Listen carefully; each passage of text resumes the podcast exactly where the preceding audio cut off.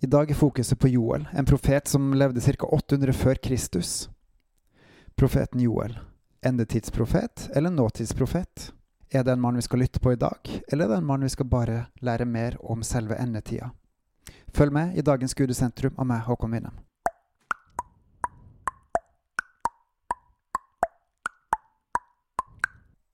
Navnet Joel betyr 'Herren er Gud'.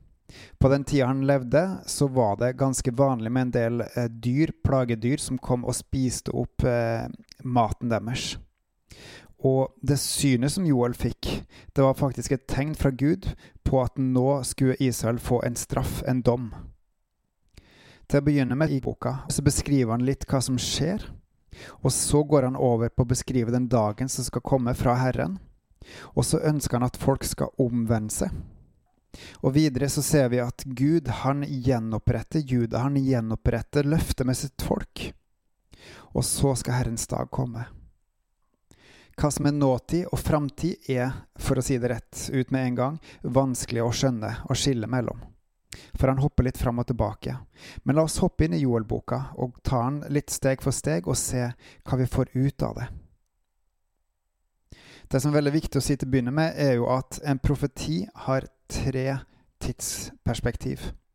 For det første så gjelder profetien for den tida han er talt inn i. Og for den andre så gjelder han inn i framtida, i en annen setting. Og for det tredje så gjelder han også eschatologisk, altså endetida, for endetida. Så disse tre ulike brillene, synene, må vi ha med når vi leser om dette. For selvfølgelig handla dette om noe som var et budskap til de som levde samtidig med Joel. Og samtidig så peker den også inn på endetida. Og det tredje er at det her kan også tale til oss i dag. Vi begynner i kapittel 1 fra begynnelsen av. Dette er Herrens ord som kom til Joels sønn av Petuel. Hør dette, dere eldste. Lytt, alle som bor i landet. Har slikt hendt før i deres tid, eller da deres fedre levde? Fortell om det til deres barn, og de skal fortelle det til sine barn, som igjen skal fortelle til neste slektledd. Det åmen levna, det åt gresshoppen opp. Det gresshoppen levna, åt larven opp. Det larven levna, åt gnageren opp. Vi har ikke gnagere, vi har ikke slike skadedyr som går og spiser på vår avlinga, spiser på våre avlinger nå til dagen. Men vi har noen som går og spiser av en annen type avling, et annet type daglig brød. Og vi har rett og slett en stor mangel på Guds ord blant oss. At vi som kalles Guds folk, at vi ikke kjenner Guds ord. Det er noen som har spist opp Guds ord fra oss, sånn at vi ikke mater oss med det men at vi går og søker mat av denne verden. Har vi opplevd noe sånt før i vår levetid? Dette er så stort og viktig at vi må gi det videre til våre barn og barnebarn, for dette må ikke skje igjen. Våkn opp, dere drukne, og gråt. Klag, alle som drikker vin, over druesaft dere ikke fikk smak. For et folk har dratt opp mot mitt land, mektig og uten tall. Tenner har de som en løve og kjeve som en løvinne. De la mine vintrær øde og knekte fikentrærne, flekte barken, rev løvet av så greinene ble hvite.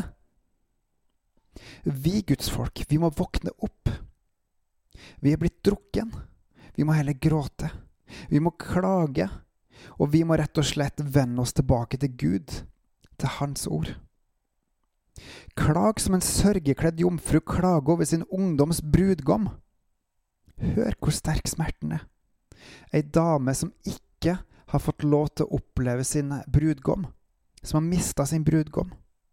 Noe som vi også er i ferd med å miste hvis vi gir opp Jesus, vår brudgom. Grødoffer og drikkoffer blir borte fra Herrens hus. Prestene, Herrens tjenere, sørger. Markene herja jorda sture, for kornet er ødelagt, vinen tørka inn og oljen er borte. Kornet, Guds ord, er ødelagt. Vinen tørka inn og oljen er borte. Har vi Den hellige ånd virksom blant oss? Eller holder vi ham på en armlengdes avstand? Bøndene er skuffa, og vindyrkerne klager over hveten og bygget. Det finnes ikke grøde på marka. Vintreet tørker, fikentreet visner. Granatepletre, palme og apal, hvert tre på marken er tørka bort. All glede er blitt borte blant menneskene. All vår glede i Gud virker til å være borte i dag. Ta sørgeklær på, og hold klage, prester. Skrik, dere som gjør tjeneste ved alteret. Gå inn og våk i sørgeklær, dere som tjener min Gud. For grødoffer og drikkeoffer holdes borte fra deres Guds hus. Vi må ta på oss sørgeklær, vi må omvende oss.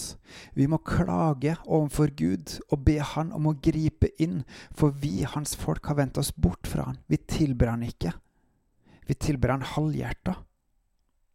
Vi lever mer av denne verden enn av Gud. Lys ut en faste og kunngjør høytidssamling. Kall sammen de eldste, ja, alle som bor i landet, til Herren deres Guds hus, og rop så til Herren. Og det er ikke nok at vi én og én kommer sammen og klager for Gud. Vi må komme sammen og rope til Herren og be Han om å gripe inn. Ved oss for en dag, ja, nær er Herrens dag. Den kommer med ødeleggelse fra den allmektige. En dag så kommer Herren tilbake, og da kommer han med ødeleggelse. De som er hans, vil bli frelst, de andre vil gå fortapt. Ble ikke maten borte for våre øyne, glede og jubel fra vår Guds hus? Såkornet i jorda er tørka inn, bingene ødelagte, låvene revet, for kornet er blitt borte hvor buskapen rauter. Bølinga streifer omkring, for de har ikke noe beite. Selv saueflokkene må lide. Herre, jeg roper til deg, for heten har gjort ende på beitene i ødemarka. Solbrann har svidd av hvert tre på marka.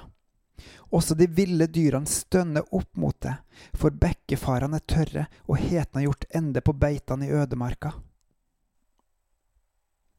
Den samme fysiske tørken de opplevde på den tida, opplever vi i dag. For hvor ser vi Gud blant oss? Hvor ser vi Gud virksom blant oss? Han er virksom hos den enkelte av oss, men i fellesskapene våre ser vi noe særlig av Gud. Er den Gud vi tilber, og den vi ser i Bibelen gjennom Guds ord, er det den vi ser på gudstjenestene våre? Er det den vi ser mellom oss som tror? Er det den kjærligheten som Gud har vist oss og gitt oss? Er det den vi elsker hverandre med?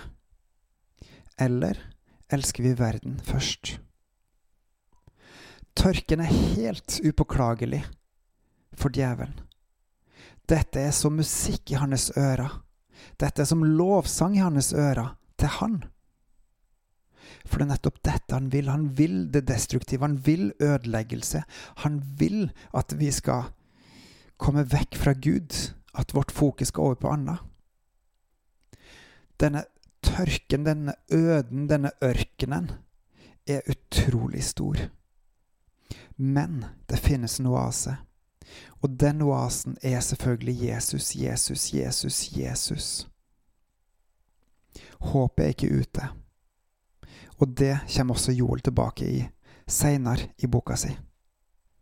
Men nummer én vi må erkjenne, og vi må innrømme, og vi må omvende oss fra den tørken vi lever i. Vi lever ikke etter Guds vilje, vi lever ikke etter Guds ord. Vi vet ikke engang hva Guds ord innebærer, inneholder. Mitt folk går til grunne fordi de ikke har kunnskap om meg, sier Gud. Vi Guds folk må mate oss med Guds ord, Bibelen, daglig. Men ikke sitte og lese den alene, men sitte og lese den sammen med Den hellige ånd. For de sanne tilbederne skal tilbe Gud i ånd og sannhet. Og det er ikke nok å bare drive på med dette alene heller. Dette må vi ta med inn i menigheten. Dette må vi ta med inn blant de kristne. Dette må vi gjøre til standard, til normen, til normalen. For dette er sant og godt, og dette er det som kan vanne vår ørken, slik at vi igjen kan bli en oase her på jorda, i denne verden, som er et mørke uten Gud, men for lyset gjennom Jesus til evig liv. Joel, en endetidsprofet eller nåtidsprofet? I kapittel 1 så er det mest fokus på den tida som han levde i, men taler også veldig mye inn i vår tid. Og samtidig, Herrens dag kommer. Så derfor, lev som for Herren. Følg Han, og du skal leve evig.